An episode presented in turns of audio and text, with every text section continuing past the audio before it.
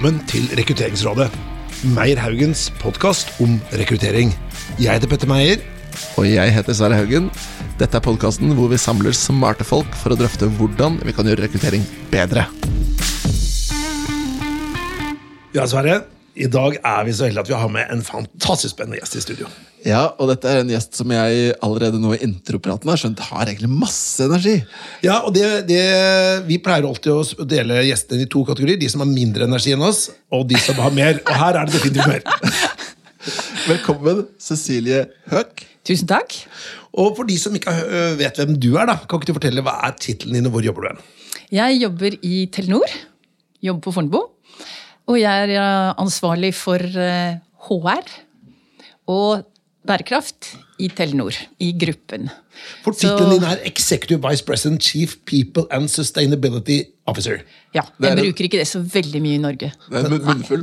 Ja. Det er en munnfull, vet du. Men jeg må jo si, jeg tok litt sats når jeg skulle si navnet ditt òg, for jeg sa jo Cecilie Høek, som jeg har skjønt Ja, ja, riktig. Men riktig. tidligere, før du kom, så sa jeg til Petter hvem er det som kommer. Jo, det er Cecilie Hau Hauk, sa jeg. For det det- skrives litt annerledes enn det uttales. Ja, ja, ja. H-e-u-c-h. Ja.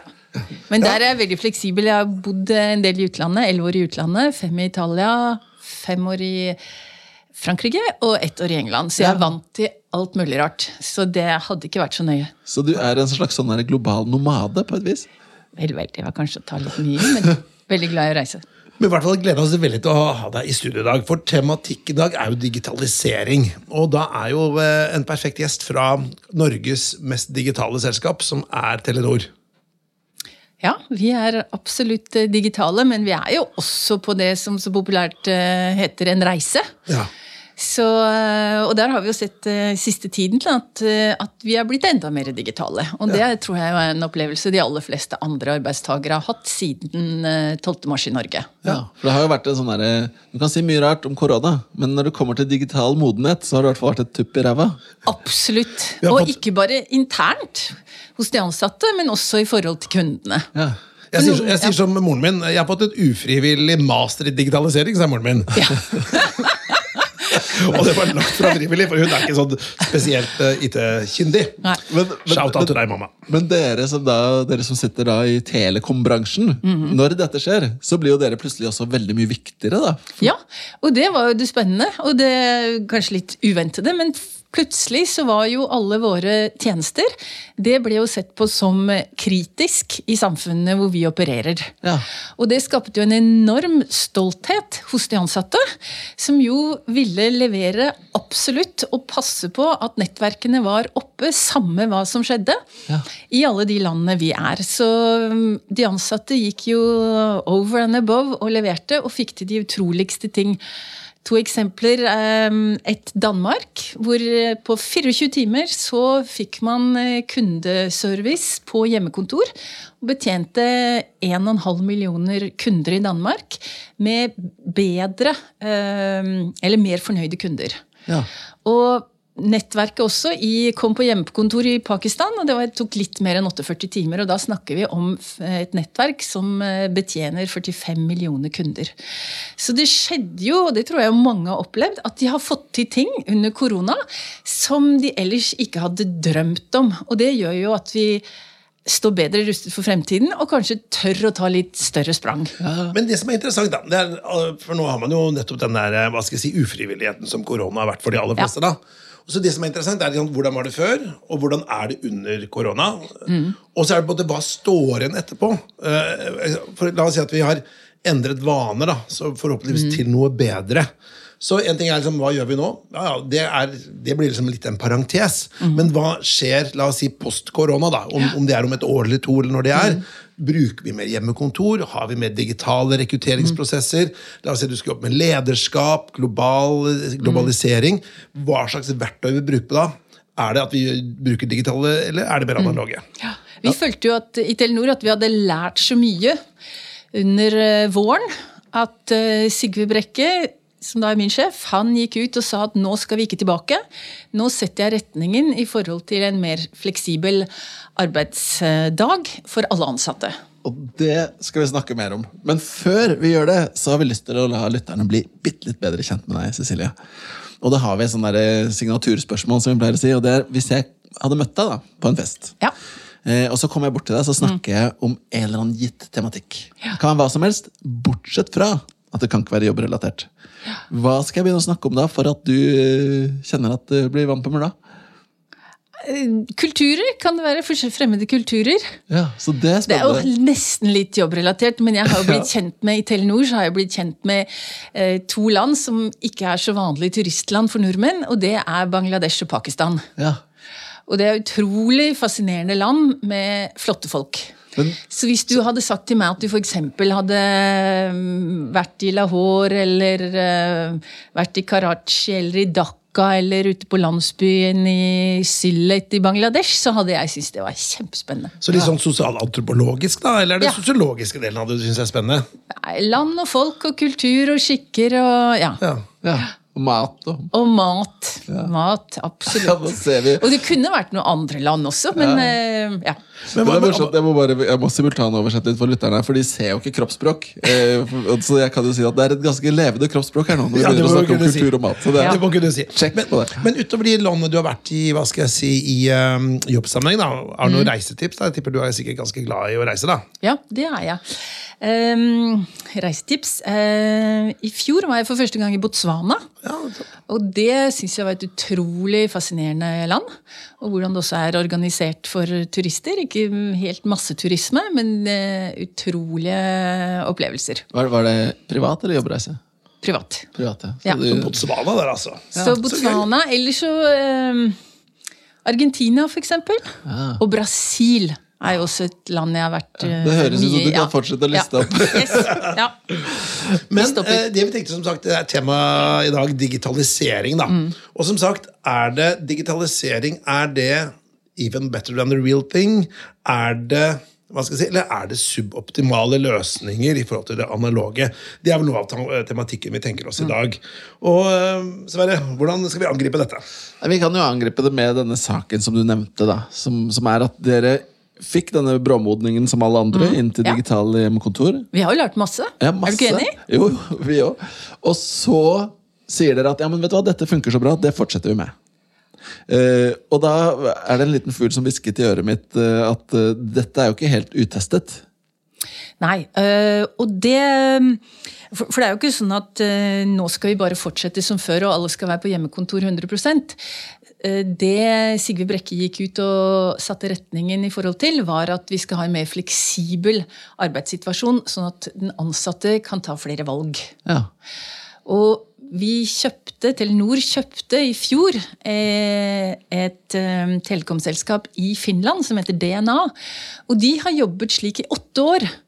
Så, eh, så han, kom, han gikk ikke ut med denne ambisjonen uten å vite at dette her har fungert for eh, 1500 personer i Finland i åtte år.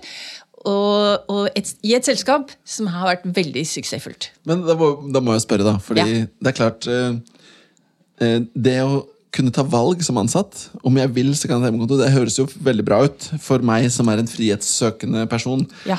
Eh, Men jeg har også, det er også noen vitser da som Mm. handler om kultur. hvor du spør for eksempel, Hvordan ser du forskjellen på en ekstrovert og en introvert finne? Jo, Den ekstroverte finnen ser på dine skotupper istedenfor sine egne. Sånn at, Er det sånn at det er lettere i Finland? Folk, eller er det bare tull at det er Ja, jeg tror vel ikke at det er noe eh, særlig forskjell der. Det tror jeg ikke. Vil- Men det er jo ikke sånn at man bare er borte, og det er jo ikke sånn at det er helt full fleksibilitet. For vi trenger jo alle å møte kollegaer, du trenger å møte sjefen din. Se eh, han eller hun i øynene. Så du trenger jo for motivasjon, for engasjement. Også for å skape, hjelpe andre med sin jobb. Dele ideer. Vi ser jo at der vi kanskje har eh, eh, syntes at det har vært vanskelig hjemmefra, det har vært sånne mer kreative workshops. Det syns vi jo ikke har fungert like bra. Så derfor så gjør vi jo noe på den fronten. Og vi har også sagt at nå kjører vi en pilot ute på Fornebu på, i Group Units. Og der må alle møte da to dager i uken. Og så må Ja. vi respektere at vi bare pga. korona kan være 50% på kontoret. Ja. Men eh, sånn at folk faktisk møter kollegaene sine, de nærmeste, og møter sjefen sin jevnlig. For det er et Ja. behov, vet du. Vi er jo sosiale dyr. Men hvis du da skulle sagt de tre Mm. viktigste grunnene da, til at uh, Sigve Brekke og, og Telenor går i sett her, Mm. kom og gå som dere vil, uh, hva, er liksom, hva blir de tre beste grunnene til det? Hva, hva, hva tjener dere på dette? Det aller første var jo at det er mer optimalt for den ansatte å kunne i, ha mer fleksibilitet i sitt liv. Ja. Så det okay, er det aller første. Og nummer Så to er? Det, er det første. Og så er det jo dette at vi har lært at, at vi greier å levere. Og det trodde vi jo ikke. Og veldig mange sjefer har jo, og meg selv inkludert, vi har aldri hatt hjemmekontor. Så vi hadde jo ikke peiling på hva dette dreide seg om, egentlig, hvis vi skal være helt ærlige. Vi visste jo ikke helt hvordan det fungerte. Og når vi har snakket om hjemmekontor, så har man jo hjemmekontor pga. at snekkeren kommer, pga. at du skal på hytta tidlig, pga. ting som ikke er jobbrelaterte. Og så var det jo også sånn noen ganger at noen ba om hjemmekontor fordi de måtte konsentrere seg. Så da var de i hvert fall ikke på møter. Da var de ikke inkludert. Nå har vi jo vært inkludert alle sammen. Folk har vært til stede, folk har jobbet. Det har jo, folk har jo levert over eh, all forventning. Men, men, men mener du at ok, så første poenget Så jeg var at det vi er hadde mer noen for- fleksibelt? fordommer. Mm. Og nummer to var at du skulle da at, det er, at man klarer å levere. Ja, man- ja. det, men Ja, ja, og, og, og nummer tre var av gode grunner til å ha hjemmekontor. Eller i hvert fall stille folk fritt. Ja, og så, så jeg vil si at eh, en ting er bedre hverdag, men du får mer motiverte medarbeidere. Mer motivasjon når, du, når de har mer, kan bestemme selv. Ja. I større jo- grad. Det er jo noe sånn som Det høres intuitivt veldig bra ut. Eh, som, så, så Forutsatt at folk selvfølgelig den, den- klassiske tradisjonen er jo at man må ha folk som man kan overvåke at de jobber. Men det er jo ikke en reell problemstilling, kanskje. Det ser man jo på produktivitet. Men så jeg har lyst til å applaudere dette med friheten og det at de kan velge. Vi jobber jo med rekruttering. Der er vi veldig opptatt av kandidatopplevelsen. Nettopp det, altså Gjøre det samme som dere har gjort med de ansatte for Ja. kandidater. Så da blir spørsmålet Kan jeg når jeg søker jobb hos Telenor, velge å ta digitale intervjuer istedenfor fysiske intervjuer? Akkurat nå i koronatidene så kan du i stor grad velge. Så vi tilbyr da forskjellige måter hvor du kan treffe oss på. Som Ja. kandidat.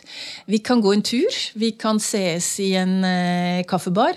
Vi kan, uh, eller vi kan ha det digitalt.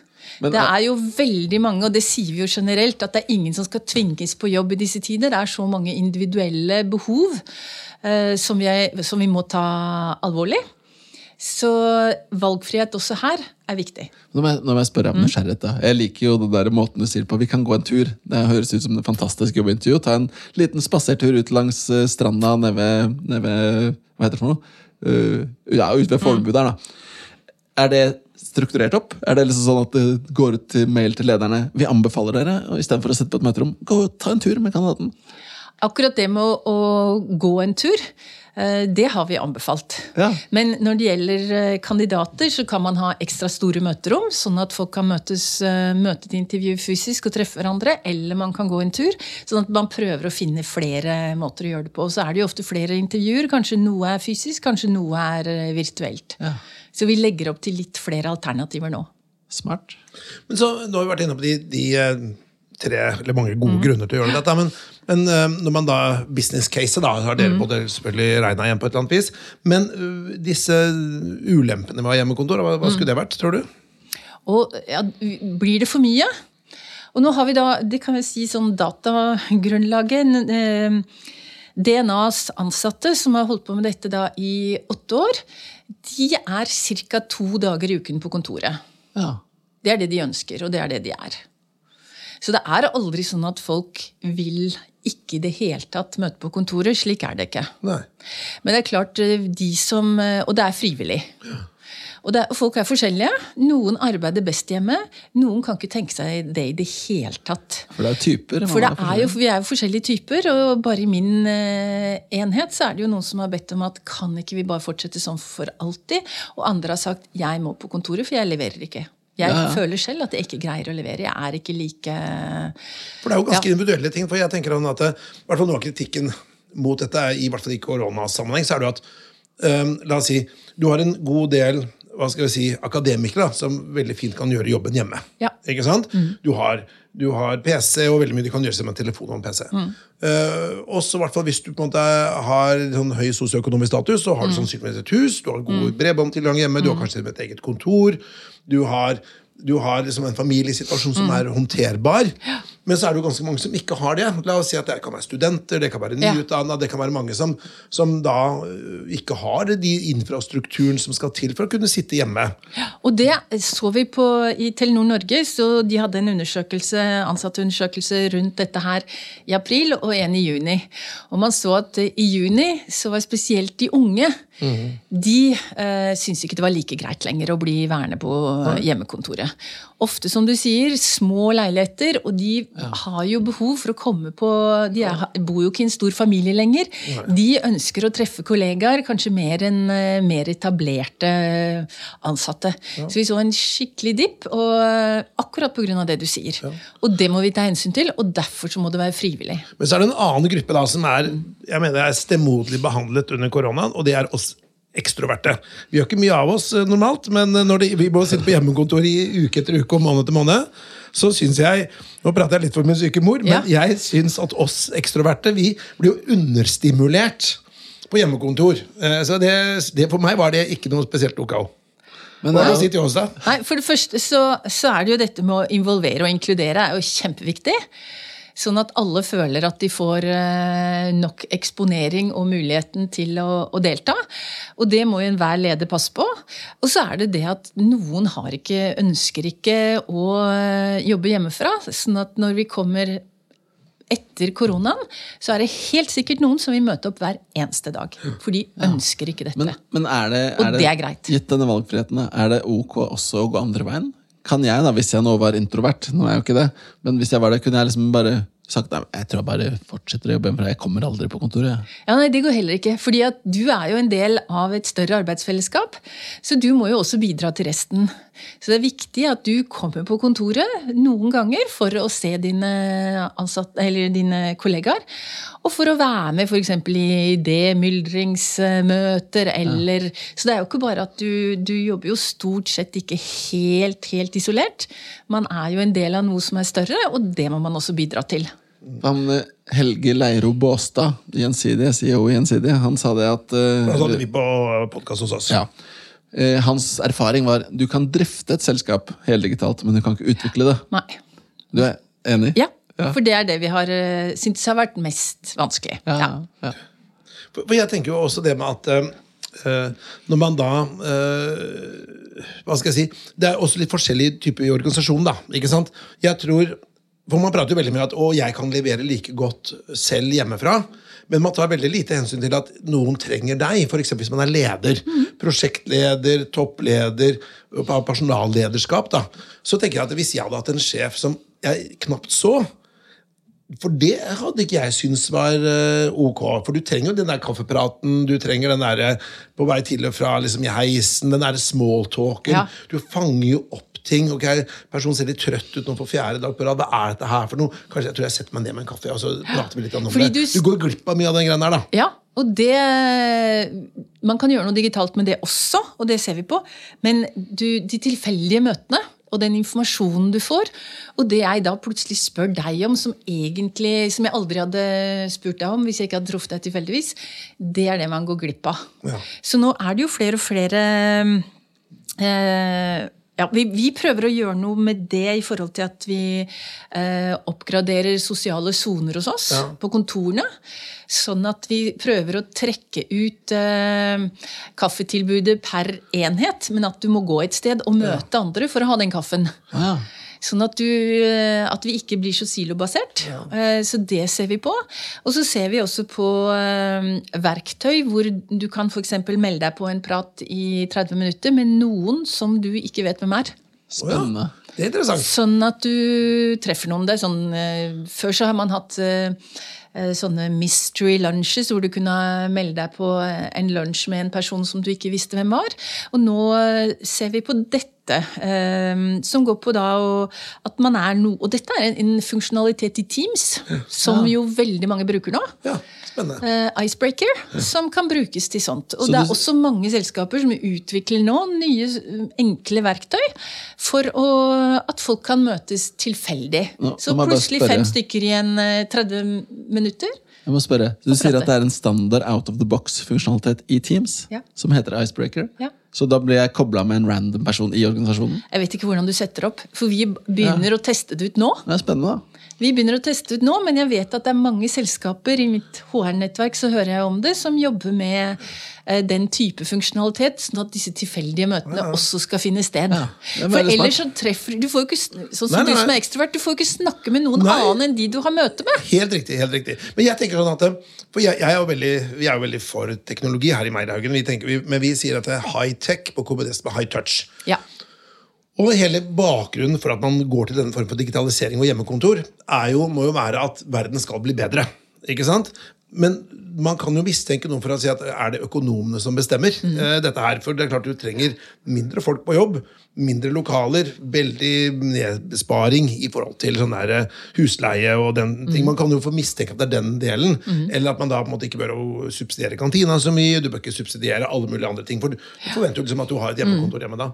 For jeg tenker at det må jo være hvis intensjonen er at verden skal bli bedre, så har jeg tro på det. Men hvis intensjonen er noe annet Og der må man jo være helt ærlig. Hvorfor gjør man dette? Ja. For Hadde det ikke vært for korona, så hadde jo ikke Sigve Brekke sagt dette. Da hadde man kanskje ikke kommet på det. Kanskje det hadde vært for mange år før man hadde sagt at dere kan komme og gå som dere vil. Ja, for vi har, vi visste jo Vi har jo hørt nå eh, nesten et år om, om dette selskapet vårt og hvordan de arbeidet. Men vi var jo ikke der at vi hadde tenkt å si at dette skal vi gjøre helt til Telenor Nei, før korona. Så vi har jo lært noe. Ja, for det er vel litt sånn det er vel en viss, det, det krever litt da, å få satt i gang en sånn endring. Det er ikke Ja. bare bare. Absolutt. Det gjør Men, det. men jeg må spørre, fordi det du snakker om nå, når du snakker om disse endringene på ting for å legge til rette for en mer digital arbeidshverdag, du snakker om digitale eh, sånne mystery dates osv. Det vi gjør da, er jo å gjøre, å gjøre ting annerledes. Og så snakket vi litt om det før sending, Petter. Dette med at Når du digitaliserer noe, så kan du putte strøm på papiret. Putte strøm på avisa, så får du finn.no stillingsannonser. Putte strøm på CV-en og CV-håndtering, så får du et ATS, et Applicant Tracking System, og så videre. I rekrutteringsprosessene deres eh, Eller det er egentlig et åpent spørsmål. I en rekrutteringsprosess, kan vi bare putte strøm på den? Kjøre det likt som det er? Likt antall intervjuer, samme tematikk på intervjuene, samme case, samme tester, samme alt? Eller bør man gjøre ting annerledes, tror du? Jeg tror at man må tenke på eh, å gjøre ting litt annerledes. Vi ser jo det på lange møter. De har vi jo ikke lenger på samme måte. Vi tenker annerledes når det er eh, digitalt. Så det er liksom kortere møter. Du tenker annerledes. Og det, det er jo som en, et todagers seminar nå. Når det er digitalt, så kanskje man kjører det over tre dager og tar halve dagen. Man tenker annerledes, og man tenker mer på hvordan man får til engasjement. hvordan man, ja. sånn at det ikke, For det er jo enda lettere å sette seg tilbake og ikke fremover. Når du sitter foran skjermen, og du er kanskje i et møte med, med ti stykker. Sånn at du må tenke mer hvordan skal jeg engasjere, hvordan får jeg med alle, hvordan får jeg hørt alle, osv. Så, videre, så, videre. så du må ha, ha tenkt gjennom det på en annen måte. Så jeg ville ikke si at du bare kan gjøre det på samme måte. Absolutt ikke. For noe av diskusjonen, i hvert fall, i, hvert fall i Oslo-skolen, altså man stengte mm. ned, det var sikkert hele landet også, så hadde man jo da digitale løp. da. Og da var vel noe av kritikken mot det var at de flinke elevene da, Ja. og ressurssterke familiene de klarte seg ganske godt gjennom koronaen. Mm. Men så er det de eh, familiene som ikke eh, hadde det så lett, og de barna som også trengte litt mer oppfølging. Mm. Det var en unison kritikk mot det opplegget. Men hvis man tenker det samme parallellen til en bedrift, da, Mm. så tenker vi du har jo disse high achievers i en bedrift. De forklarer seg ganske godt uansett. Mm. Men så har du da enten personer som sliter litt, det kan være personer som mangler motivasjon, det kan Ja. være personer som da har lyst til kanskje å slutte. da at det er jo mye vanskelig for en leder å fange opp dette her. Så vil du ikke få litt mer hva skal jeg si, ehm, forskjeller da, mellom de flinke folka og de som ikke er så flinke. da, Nettopp i en sånn digitalisering. For Det er klart, det er jo lettere å, å hvis du har lav på motivasjon da, og ikke helt skjønner hva du kanskje ikke har så særlig mestringsopplevelse heller, at du faller ut av bedriften, er ikke det mye lettere når du kan komme og gå litt som du vil? Jo, så, og, eh, Du har helt rett i det. Og jeg tenker at det, det er derfor man ikke kan bli bare sittende på, på hjemmekontoret, men man må faktisk komme på kontoret for å få motivasjonen for å skape fellesskapet i enheten. For den tror jeg ikke du like greit kan opprettholde og videreutvikle fra hjemmekontoret. Nei, Det tror jeg ikke. Og så er det jo noe med de unge. Hvordan skal du kjøre hele liksom, introduksjonsperioden Ja, ja. fra hjemmekontoret? Det er jo mange som har slitt med det. Og det er det jo mange løsninger på. Noen har åpen skjerm. Altså eh, hele enheter. Så de sitter med åpen skjerm hele tiden. At du kan bare gå inn og se man- hva de driver med? liksom? Ja. Yes, Så alle er på, hele avdelingen er på. Ja. Det var det en, Ja, eh, en kollega av Alle har delskjerm hele tiden? Ja, Ja. i enheten. Spennende. Og det kan man gjøre hele tiden. Eller man kan gjøre det, si at man gjør det et par timer. Ja. For da hører du litt hva de andre snakker om når, er, når du er ny. Ja. For særlig når du er ny, så trenger du å høre hva de andre snakker om, hva, hva som skjer rundt deg. For du har jo ikke så mye informasjon om det ennå. Så for å få de knaggene til å henge det du kan om på, så må du være i et fellesskap på en annen måte. Så her tror jeg vi kommer til å utvikle nye måter å, å arbeide på. Men det dere samtidig snakker om, er jo dette her med ledelse. Hvor, jo, eh, hvor det er utfordringer for mange. Og vi har sett at vi, vi trenger å gjøre noe annerledes, så vi lanserer denne høsten i hele organisasjonen et konsept som ikke vi har laget, men som heter Tight, Loose, Tight, og som bygger på veldig mange andres øh, gode ideer.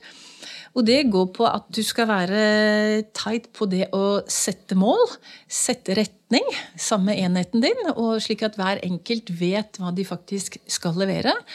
Og så loose på hvordan folk skal levere, så det er tillitsbasert eh, ledelse. Samtidig som du må være god på når det er denne lusedelen, så må du være god på oppfølging og inkludering. og være den som, eh, At lederen må være den som, eh, som løser problemer og hjelper til når du, når du, stopper opp. Og så tight igjen på oppfølging. Så at vi er mer bevisste på de fasene, at man ikke bare starter å gå. For når du da sitter på hjemmekontoret, kan du føle at du ikke helt vet hvor du skal. Ja. Men Så det å være tydeligere hvis, hvis vi ser på Ja. du, du har jo allerede snakket om at du har en ganske internasjonal bakgrunn. Og du har jobbet også internasjonalt med andre kulturer osv. Mm. Eh, og da har man vel litt forsprang på dette? Har man ikke det? For, på dette med både fjernledelse, fjernrekruttering og alt mulig, så kan vel egentlig bare duplisere de prosessene inn lokalt? Eller? Ja, altså det Sånn vi tenker det, så skal denne mer fleksible måten å arbeide på, den kommer til å være litt forskjellig fra land til land. Så man må ta eh, lokale hensyn. For noen, eh, og da var eksempelet eh, vårt selskap Dtac i Thailand, så var det å kunne ha en mer fleksibel arbeidsdag i forhold til å unngå morgenrush i Bangkok, ville avhjelpe enormt eh, en arbeidshverdag for, eh, for familier. Sånn at de ville kanskje fokusere på en litt annen type fleksibilitet. Så her må man se på hva slags rolle man har, og også litt det kulturelle. Men jeg tenker sånn, Hvis du ser på rekrutteringsprosesser, da. Har du å sånn først, har du Ja. ansatt folk i andre land? Ja, det gjør vi hele tiden. Har du da møtt dem fysisk, eller ikke? Ja, stort sett så har vi møtt dem fysisk. Stort sett så prøver vi på et eller annet tidspunkt å, og, se personen. Så vi har jo hatt eh, rekrutteringer f.eks. i Pakistan, hvor vi har bedt om helt til slutt at det ble et intervju med eh, personen fysisk. For det interessante da, det er sånn her, vi, er- vi er liksom Eller jeg tenker på det som en setning. Ja. Og det er Må du lukte på folk for å rekruttere dem? Fordi i teorien så er det jo, skulle man jo si at det er ikke noen grunn til at du må møte noen i samme rom. Nei. Og det er en sånn usikkerhet. Vi har jo også rekruttert folk uten å se dem. Eh, Men hvis, du, hvis jeg skulle utfordre deg, da. Men, men hvis du skulle spørre meg om hva jeg foretrakk, så ville jeg foretrukket å sitte i samme rom med personen Ja. over litt tid. Og det vil jo de fleste, men hvorfor er det så viktig for oss? Det er spennende. Ja, for eksempel, hvis man tenker sånn hele hellige talt, da. For, for hvis man da skal utvikle en egen metodikk, da, som ikke bare er å, å ha den gamle analoge prosessen, og så bare ta den på Teams. Ja. Så ønsker man da at vi utvikler en helt ny metodikk. da, for eksempel. Vi, liksom, vi kaster alt det gamle, men vi bare bygger en helt ny. Og den, men den må ta høyde for dette med kandidatopplevelsen, den må ta høyde for dette med det cultural fit. da. Den må ta høyde for liker jeg personen, er det kjemi?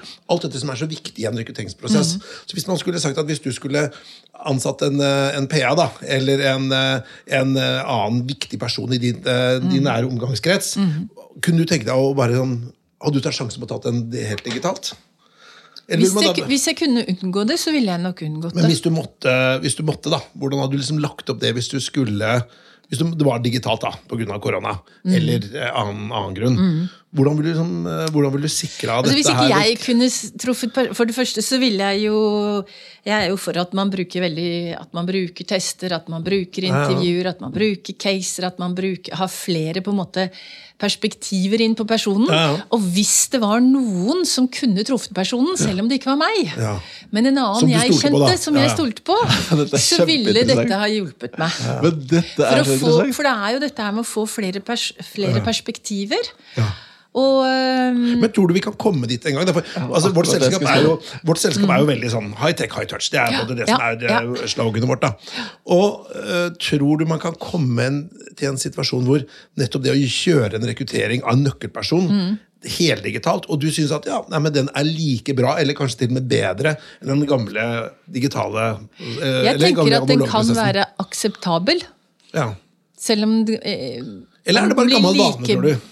Ja, det er mye gammel vane. Og det er jo litt som hjemmekontoret, hvor vi Ja, lurte på om folk Hjemmekontoret eller eh, printer. Vi har ikke printer hos oss, da. Ja. Og det var jo ganske tøft for meg, i hvert fall som er vant til å printe ut CV-er hele tiden. Ja. Men så bare si nei, vi skal ikke ha printer. Ja. Og så, nei. Nå har vi kjørt to og et halvt år, vi har ikke printa en CV-testrapport. ikke noe. Ja, ikke sant? Og Så det det er jo eh, mulig greit. når du må. Så er det Så når du må, så vil jeg tenke det. GDPR-compliant. Ja. Papirarkiv? Nei, har ikke det. Nei, Så det er jo noe med når du blir tvunget til det, ja. Så tror jeg jo at det kan bli noe som er i hvert fall nesten like bra. For man sier det at eh, Først hadde man sånne holdningskampanjer. da, ikke? Du slutter å røyke eller trene mer eller liksom, mot rasisme Mm. eller hva som helst. Eh, og veldig, Intensjonen var jo veldig bra. Eh, så, Men så ser man forskning i dag da, at du kan ikke ha en du kan ikke først kjøre holdningskampanje og, og tro at du skal endre atferd. Det fungerer ikke. Har ikke fungert i Nordland. Så, men det er motsatt som fungerer. Du må endre atferd, og så kommer holdningen i etterkant. Ja. Og så sier man, ja, men Hvordan skal man gjøre det? Jo, det er gjennom lover, påbud eller fysiske hindringer. Man ser for eksempel med elbil, man ser i forhold til røyking, man ser i forhold til alt mye annet. Nei, det er forbudt. Og da holdningen til elbil er jo mye bedre nå. for Holdningen til røyking er helt annerledes nå, fordi det er forbudt. Mm. Det er, for Røykeloven er jo et kjempeeksempel på det. Alle var så negative, og så tok det ikke lange tida før alle, selv røykerne, var positive. Ja. Og det er jo et, det er jo liksom en interessant parallell til det du snakker om. hvordan Dere har jo visst om dette selskapet i Finland som har kjørt Friheten på hjemmekontor. Ja. Men så krevde det noe eksternt som trigget dere i gang. Ja. Og da kom det i gang, og så ser man ja, men dette funker jo. Dette funker jo. Og det hadde vi jo ikke trodd. Nei. Nei, og det tenker, samme tenker man i forhold til rekruttering, da, som er liksom bortfag. fag. La oss si at du ikke kunne dri møte personen da, Mm. fysisk av en eller annen grunn. Du måtte ha en form for digital prosess. Og så vil man da si at jo, den usikkerheten den vil kanskje forsvinne, men, du får, men, men det er ikke bare at du, du kjører en lavere kvalitetssikring, Mm. men du må bare kjøre en annen type kvalitetssikring. Du må sørge for at altså, man setter seg ned og, og chatter en, en times Mm, tid, da. eller et eller annet. At du bare på en eller annen form får klare å, å hanke det. må- Ja, så Det tror jeg er, er noe av clouet, å tenke litt annerledes. Sånn at du får de forskjellige Du får aktivert kandidaten, da. Ja. Og at vi får en dialog som er litt annerledes. Enn, den vi, enn å bare gjøre den analoge digital. Og jeg syns, den, jeg syns det eksempelet du sa med denne mystery date-greiene, er et kjempeeksempel på det. Det er et veldig enkelt grep. Fordi det er bedre enn Ja. even better than the real thing. ikke Ja, sant? Ja, altså, ikke- og så er det på en måte, det er gjennomførbart. Det er low tech, men du bruker tech på en smart måte. Ja. Eh, og det, det, det tror vi veldig på. da. Trenger ikke finne opp hjulet på alt Nei, det gjør ikke det. Men du, jeg tenker vi har noen dilemmaer, Sverre. Eh, ja, vi har noen dilemmaer. Men før vi gjør det, så har jeg lyst til at vi skal løfte blikket litt. Ja, stemmer. Ja. Uh, og det er Vi pleier å stille gjestene på Rekrutteringsrådet, i hvert fall når vi husker det, så pleier vi å spørre uh, Hvis du kunne hatt en tryllestav eh, og veivet med den, og så kunne du fikset én ting innenfor rekrutteringsfagfeltet, altså tatt noe som ikke funker optimalt i dag, eller noe som du syns skulle være annerledes, osv. Hva skulle du fiksa innenfor rekrutteringsfagfeltet? Jeg tenker at vi kunne blitt eh, bedre til å intervjue. Ja. Det er litt tilfeldig eh, når vi intervjuer. Veldig mange av oss vi intervjuer ikke så ofte. Og så har man ofte noen sånne standardspørsmål man eh, stiller. Og det kan jo være Noen har Jeg hadde en kollega, hun, en amerikansk kollega, hun spurte alltid hvor mange liter melk drikker hver amerikaner ja, jeg skjønner. På intervjuet. Klassisk. Hvor Og var jo naturligvis helt uinteressert i svaret, men bare hvordan resonnerer kandidaten, da. Men jeg syns at det er litt sånn tilfeldig ofte hvilke spørsmål som kommer. Og der tenkte jeg, tenker jeg at vi kan bli proffere. For du kommer bare blir trukket inn i et intervju, så skal du, har du en halvtime eller tre kvarter eller noe med, med en kandidat. Og så er det jo ofte litt sånn, det interessante da, rundt dette, du som jobber mye med lederutvikling. Mhm. Rekruttering er det mest stemoderlige behandla feltet innenfor lederutvikling. Ja. Og kanskje noe av det viktigste. Ja. For det er dritlett å lede noen som er en god match, Ja. Og de må du jo rekruttere inn. Men likevel så er det liksom, det er ledelse videre, men det er nesten ikke noe om rekruttering. S- Absolutt eh, minimalt. Ja. Og derfor så blir det litt tilfeldig. Ja. Og noen kommer med mange gode spørsmål, men, og det føles litt lite eh, vitenskapelig på et vis. Ja. Og det er interessant. Og her kan det jo hende da, at fremtiden vil bringe noe nytt digitalt. når vi snakket om digitalt. Jeg, jeg har testet ut noen sånne intervjuroboter som skal liksom intervjue deg. Og foreløpig så er det et stykke å gå. kan jeg si. Mm. De, de krasjer fort når du går utafor skriptet på hva du skal si. Ja. Man hadde, så det jeg husker det var en, en kompis som jeg og testa sånne artificial intelligence da, Ja. på norske ting. Og da spurte han alltid spørsmålet hvor var du når Brå brakk staven. Var det sånn spørsmålet, Og skjønte roboten det? Så, for det er jo en referanse for vår generasjon. I Ja. 1982 så var det Oddvar Brå som gikk VM i Oslo. Og da mot Savjalov, og så brakk han staven. da. Men det er liksom vår generasjon. og altså, ja, Brå Det blir som en slags, Hva er det for noe? det blir som en slags Turing-test. Ja. Kulturell Ja. Turing-test. Ja. Men bra, men nå er det tid for dilemmas, Sverre. Ja, nå kan vi ta dilemmas. Og da har vi lyst til å stille deg følgende dilemmas. Vi skal begynne med der vi slutter nå, egentlig, som handler om digitalisering. Hvis du kunne valgt to fremtider, to fremtidsdystopier Den ene så har du en verden hvor all rekruttering og utvelgelse gjøres av roboter. Basert på algoritmer og ditten og datten. Den andre er at nei, dette blir helt forbudt, og du kan kun kjøre vanlig face-to-face-intervjuer. Hva velger du da?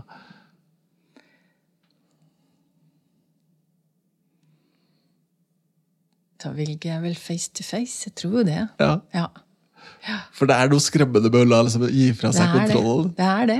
det, er det. til robotene. Men, men, Men det er vi jo kan bli mye bedre allikevel, tenker jeg. ja, ja, Og det er jo et godt Ja. dilemma. Skal jo være vanskelig. vet Ja, du, Cecilie. ja, det skal Jeg- jo jeg ikke synes være var helt godt- sånn sort-hvitt. For jeg synes det var et godt dilemma, men la oss si du stilte et spørsmål for la oss si 30 år siden. da. Ja. Vil du at alle fly skal bli styrt av mennesker, eller at alle fly skal styrt av roboter? Roboter. Roboter, åpenbart. Men Helt ikke åpenbart. ja. Ikke Og det- og det samme-. Om ti år. Og om ti år vil du at alle biler skal bli styrt av roboter eller av mennesker. Om ti år roboter. Ja. åpenbart.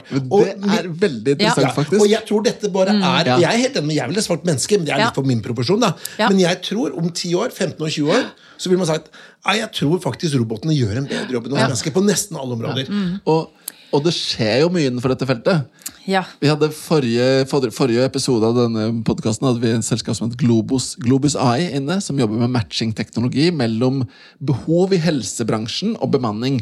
Og Der forteller de historier om nå, selv om det er jo ikke nærheten av det fremtidsscenarioet vi ser for oss. Så sier de at nå, du har veiledere som sitter og ser på roboten kommer match, og så er veilederen sånn Ja, jeg er skeptisk. Jeg kjenner ikke vedkommende, stoler ikke, vet ikke, tror ikke. Men så tester de det ut, og så funker det som søren. Ja. Fordi roboten har plukka opp noe som ikke mennesker gjør. da. Og i, forrige juleferie så leste jeg 'Talking to Strangers', siste boken til Malcolm Gladwell. Ja. journalist i eh, New York Times, og han snakket om dette her at eh, en eh, en eh, dommer i en rettssak er dårligere enn en eh, enn eh, hvis du bruker eh, kunstig intelligens til å se på eh, track record til en kriminell person, og, og, Ja, og man da forutse. ja, Ja. Og du har det samme i forsikringsbransjen. Ja, sånn at det er jo stadig flere bevis på at vi egentlig burde velge robotene. Men vi Men det føles ukomfortabelt. Jeg tror ikke vi er der ennå, for helt ærlig. Men neste, vi skal, neste, neste dilemma, så skal du få lov til å Ja. ta det du gjør på jobben din, med litt på hjemmebane. Fordi nå har jo dere full frihet til å, til å kunne ha hjemmekontor. eh, Eller så å Ja, si. så å si. Nå får du muligheten til å velge om du vil ha digitalt hjemme. Ikke kontor, men hjemme. Altså at mannen din tar kontakt og sier du, har, nå har vi mulighet til at du kan være digitalt til stede hjemme et år. Istedenfor å være fysisk til stede. Så du får frihet fra det, du må, men du løser det bare digitalt. Eh, Går det for muligheten, eller gjør du ikke det? Et helt år? Nei, Nei. nei, jeg tror ikke det. Jeg tror ikke det. For du er mister noe, klar. da. Du mister noe. Ja. Ja. du mister noe. Og hjemmebasen, vet du, det er liksom det tryggeste du har. Ja. Du kan ta sjanser alle andre steder, men det er jo liksom eh, roten. Det er kjernen, det. Så, så I, apropos I veldig mange personer i hvert fall, så er det det som er kjernen. Så det må være trygt og godt. Og jeg tror du heller kan eksperimentere med roboter på jobben. Ja. I mye større grad. Så apropos, apropos dystopier, vi ser ikke for oss en fremtid hvor man kan ha digitale familier. Så det er, det er den nye virkeligheten, liksom. Petter, hva tror du? Nei, nå tror jeg du har lest litt for mange sånn science fiction-bøker, så jeg tror vi tar neste dilemma. Ja. Ok, da skal vi gå tilbake til klassiker, eh, Petter. Den, eh, den skal du få lov til å ta.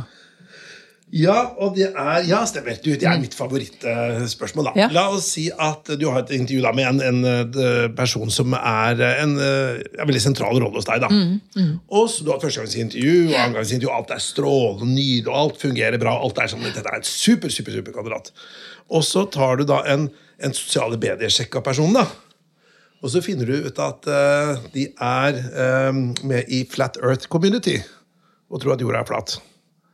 Hva gjør du da? Da ville jeg tatt opp. Jeg ville diskutert det. Jeg Ja, ville hvis de sier, ja, konfrontert er personen. Jorda er flat. Vi, og så sier de Så We jeg- have followers all around the globe. All around. Men hva, hva hadde du, Ja. kunne du ansatt en person som eh, tror at jorda er flat? Jeg tror det ville vært vanskelig. Ja. For jeg tenker, Men jeg ville jo snakket med personen, sånn at jeg skjønte hva som lå i det. Men noen ganger så kan jo en sånn ting eh, gi et hint om veldig mange andre ting. Ja. Og det blir litt viktig å få totalbildet her. Ja, ja. Det var- for jeg- Hvorfor og hvordan osv. Så, videre. så jeg ville ikke på en måte avskrevet personen, men jeg ville gått inn i det. For jeg kunne ikke bare latt det ligge der. For hva betyr det videre i forhold til andre andre ting som den personen tror på eller ikke tror på, som har noe å si for oss som arbeidsgiver. Ja. Men la oss si at, for Jeg var i det, det caset for mange år siden at eh, jeg gjorde akkurat det. da, Men da var det ikke Flat Earth, eh, for det var liksom ikke så populært den gangen. Men det var en ufo. Personen var medlem i Norsk ufo-klubb. Ja. Og da spurte jeg personen om du trodde på ufo. Ja, ja. Og personen hadde sett ufoer også. Og det, det måtte jeg ta opp da med oppdragsgiver, da, for dette var en CFO, nei, en CEO-stilling, et børsnotert selskap. Ja. Og så sa jeg dette til styreformannen, da, eller styreleder, at du, personen her tror på ufoer. Er det et problem? Nei, nei, jeg tror på ufoer, jeg også, sa han. så det var helt greit. Og jeg ser, jeg ser begge de to personene av og til i Finansavisen og DN. det det. Ja, det er ganske Det er ikke så ofte vi, vi får ikke vite hvem det er. Anton. Nei, det kan jeg ikke gjøre, for det er, det er, det er konfidensiell informasjon. Ja, ja, ja. Og, og til deres forsvar UFO betyr jo bare Unidentified Flying Object. Så Ja, du kan du det. ikke argumentere mot eller for ufo. Men om det er extraterrestrial life Ja, Ja, ja, ja, ja, det er sant. Det er sant. Men Altså Skal man ek ekskluderes til enhver arbeidsoppgave fordi man tror man har sett en, eh, den der ormen Loch Ness eller Ja, noe? Altså Man kan jo ikke det heller. Nei, men Så det er altså, jo la, oss, la oss ikke begynne å er snakke om religion eller andre ting, da, for da tar det helt av her. Nei, men, men men tanke på at eh, hvor, hva, hva kan man tolerere? da? La oss si at Hvis noen var med i en veldig sånn ekstrem politisk gruppe, da, ikke sant? la oss si enten ytterste høyre, ytterste venstre, Ja, ja. eller et eller annet, det hadde jo, ikke sant? er det ok? da? For Man sier at noen skal være så tolerant, og, Ja. og forskjeller og diversity og sånn. Men det er jo noen ting vi ikke aksepterer. eh, Ja, det er det absolutt. Og det kan være problematisk. Og jeg har vært borti noen sånne saker. Uh, og det ble jo ofte Eller det ble jo uh, Det ble jo satt litt på spissen med da det var terror i Norge. Ja. Ja. Og, og da var det jo en del mennesker som støttet, eh, som var på eh, i, eh, Som blogget osv. Og, så videre. og det var kollegaer som kunne føle det veldig ukomfortabelt. Og hvis man da er i, eh, i organisasjoner med forskjellige religioner, forskjellige nasjonaliteter, hvor dette er liksom hoved, eller en, en sentral del av verdigrunnlaget, eh, så er ikke det greit. Og da må man ta det opp. Du, Dette er ikke vi prata om hele dagen. Jeg synes det er så spennende, Men jeg tenker vi må gå inn litt for landing her, eh, Sverre. Det tror jeg også. Cecilie Høek, det har vært en glede å snakke med deg om eh, nåtiden og framtiden. Tusen takk for at du kom i studio. Takk for at jeg ble invitert.